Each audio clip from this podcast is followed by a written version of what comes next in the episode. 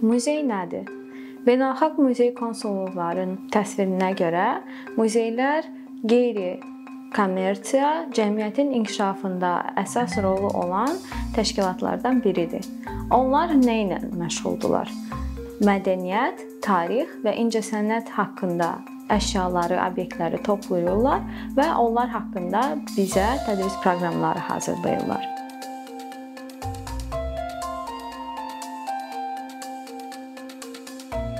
Mən sizi dəvət etmək istəyirəm ki, siz gözlərinizi qapayasınız və ən son muzey təcrübənizi xatırlayın. Nə canlandırdınız gözünüzün qarşısında? Yəqin ki, sakit bir məkan, bələdçi ilə gəzdiyiniz tur və çoxlu beyninizdə yığılmış məlumatlar, hansıları ki, heç kəsə deyə bilmədiniz həmin məkanın daxilində və ondan sonra getdiniz və bir daha həmin yerə qayıtmadınız. Bu passiv muzey təcrübəsidir. Artıq hiss elədiniz ki, yəqin ki, bu nə deməkdir? Biz öz öyrənməyimizdə heç bir aktiv iştirak etmirik. Hazır məlumat bizə olduğu kimi çatdırılır və bizdən heç bir geri qayıdış gözlənilmir. Biz bunu necə dəyişə bilərik? Aktiv muzey vasitəsilə. Bunu həm biz eləyə bilərik, muzey ziyarətçisi olaraq, həm də ki, muzeylər bizim istək və maraqlarımıza uyğun təcrübələr, proqramlar və sərgilər təşkil edə bilərlər. Gəlin ilk öncə biz özümüz haqqında öyrənək ki, özümüzü tanıyaq və muzeylərə maraqlarımızı daha açıq və aydın şəkildə çatdıra bilək. Muzey maarifçisi professor John Falk 5 muzey ziyarətçisi kateqoriyası müəyyənləşdirib. Bunlar peşəkar və ya həvəskar, Bu insanlar ki, öz işləri və ya hobbiləri ilə bağlı gedirlər muzeylərə və daha dolğun, dərin məlumat axtarışındadırlar. Təcrübə axtaranlar və ya maraqlı təcrübə axtaran insanlar dünya haqqında ümumi geniş maraqları var və muzeyə gedən zaman o maraqların biri onları muzeydə cəlb eləyir və saxlayır. Sonra bizdə var vasitəçilər. Vasitəçilər müəllimlər və ya istənilən qrup insanla bir yerdə muzeyə səyahət edən insanlardır. Onlar lider olduqlarına görə, kimləri isə özləri ilə birgə gətirdiklərinə görə müəyyən bir məsuliyyət daşıyırlar ki, hamının xoş təcrübəsi yaşansın. Növbəti kateqoriya əyləncə axtaran insanlardır. Əyləncə axtaran insan kateqoriyası daha çox turistlər ola bilər, şəhərə ilk dəfə gələn insanlar ola bilər. Hansılar ki, Google-da hara gedib nəyi baxmaq lazımdır, onu axtarıb gəlirlər muzeyə. Daha az vaxt keçirirlər və daha çox vizual təcrübələr axtarışındadırlar. Və ən son kateqoriya enerji bərpa edən insan kateqoriyasıdır.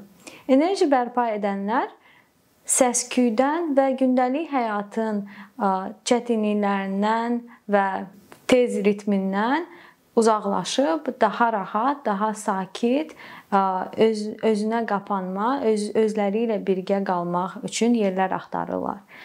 Və əlbəttə ki, biz muzey təcrübələri hazırlayanda, sərgiləri planlaşdıranda və ya əgər hər hansı bir tədbir nəzərə almışıqsa, bu 5 insan kateqoriyasını nəzərə alaraq yanaşa bilərik bütün təcrübələrə.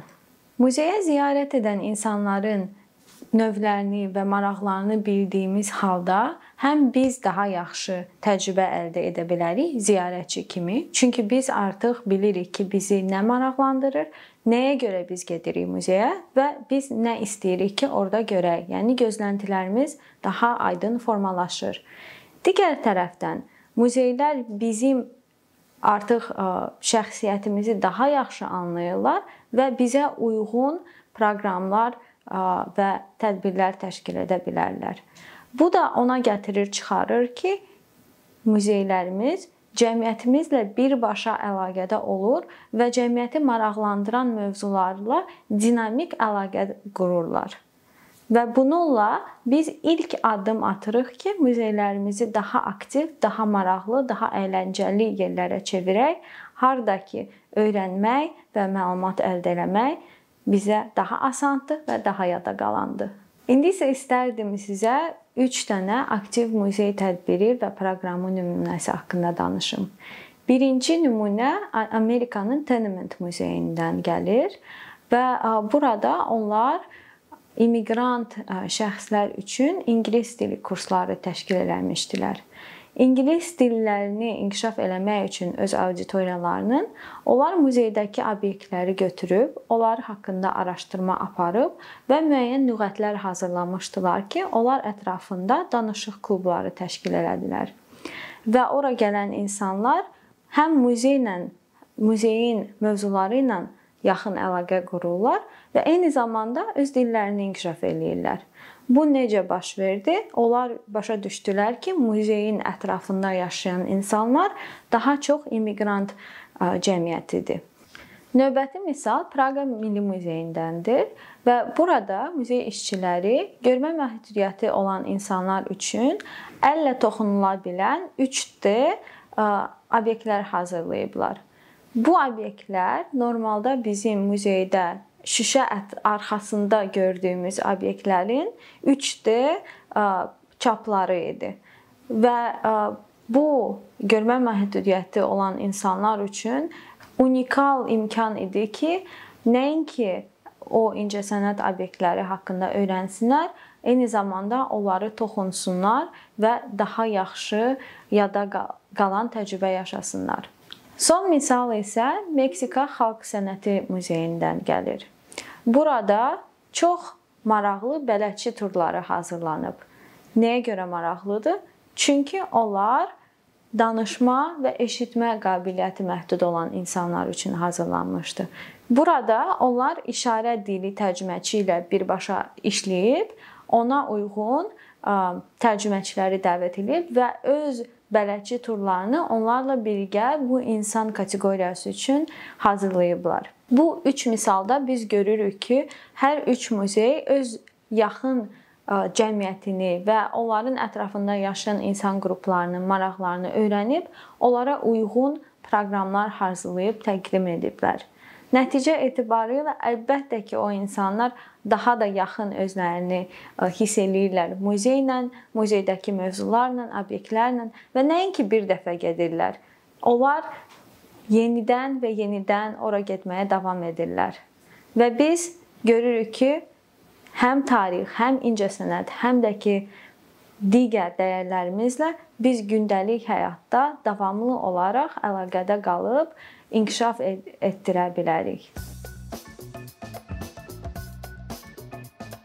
Bir neçə ildir ki, əkinçi olaraq azərbaycanlı izləyicilərin hər zaman faydalana biləcəyi keyfiyyətli və ən əsas ödənişsiz kontent hazırlamağa çalışırıq. İndiyədək təqdim etdiyimiz onlarla animasiya və yüzlərlə çəkilişlər tələbələrin, mütəxəssislərin, müəllimlərin və ümumiyyətlə yeni mövzulardan xəbərdar olmaq istəyən çox sayda insanın marağına səbəb olub. Bu illər ərzində hazırladığımız videolar təhsil, texnologiya, ictimai fəallıq, iqtisadiyyat, gender bərabərliyi, ətraf mühit, ifadə azadlığı, hüquq, demokratik inkişaf, mədəniyyət və digər mövzuları əhatə edib. Məqsədimiz çoxlu baxış gətirən deyil, çoxlu fayda gətirən videolar hazırlamaqdır. Amma bu düşündüyümüz qədər asan deyilmiş. Gördüyümüz iş kifayət qədər resurs, əmək və təbii ki, davamlılıq tələb edir. Bu səbəbdən Patreon platformasından istifadəyə başladıq. Əkinçinin Patreon hesabının populyarlaşmasına çox böyük ümidlərimiz və gözləntilərimiz var. Bəziləriniz Patreon haqqında ilk dəfə eşidirsiniz. Əslində çox sadə izahı olan bir platformadır. Təsəvvür edin ki, siz rəssam və ya musiqiçisiniz. Sosial şəbəkələrdə sizi izləyən, işinizi bəyənən çox sayda insan var. Patreon platforması sizə imkan verir ki, izləyicilərinizin könüllü aylıq ödənişləri sayəsində işinizi davam etdirəsiniz. Sərgi, konsert zallarından asılı qalmayasınız. Amma bu təkcə rəssam və musiqiçilərə aid deyil. Məsələn, əkinçiyə bənzər fəaliyyətlə məşğul olan bəzi layihələrin 10 minlərlə patronu var. Biz də düşündük ki, nə üçün əkinçinin Patreon hesabı olmasın? Sizin dəstəyiniz sayəsində biz daha çox və daha keyfiyyətli kontent yaratmağa davam edə biləcəyik. Amma bu dəstək yalnız maddi dəstək deyil. Dəstəkçilərimizin sayının artması gördüyümüz işlərin faydalı olduğuna dair əminlik verir. Patreon platformasından istifadə çox sadədir. Hesabınızı açırsınız, sizə uyğun dəstək növünü seçirsiniz və Patreon özü hər ayın ilk günü kartınızdan seçdiyiniz dəstək növünə uyğun ödəniş tutur. Bu qədər. Sonda onu demək istəyirik ki, dəstəkçilərin sırasına qoşulmaq istəyən, amma məhdud imkana görə bunu edə bilməyənlər narahat olmasın. Daha öncə dediyimiz kimi, bizim əsas məqsədimiz daha çox insanın hər zaman faydalana biləcəyi keyfiyyətli və ödənişsiz kontentin yaradılmasıdır. Bunun üçün mütləq patronumuz olmalısınız deyə məcburiyyət yoxdur. Amma imkanınız patron olmağa çatırsa və bizim işimizi bəyənirsinizsə, patronlarımızın sırasına qoşulmağınız bizim üçün çox önəmlidir.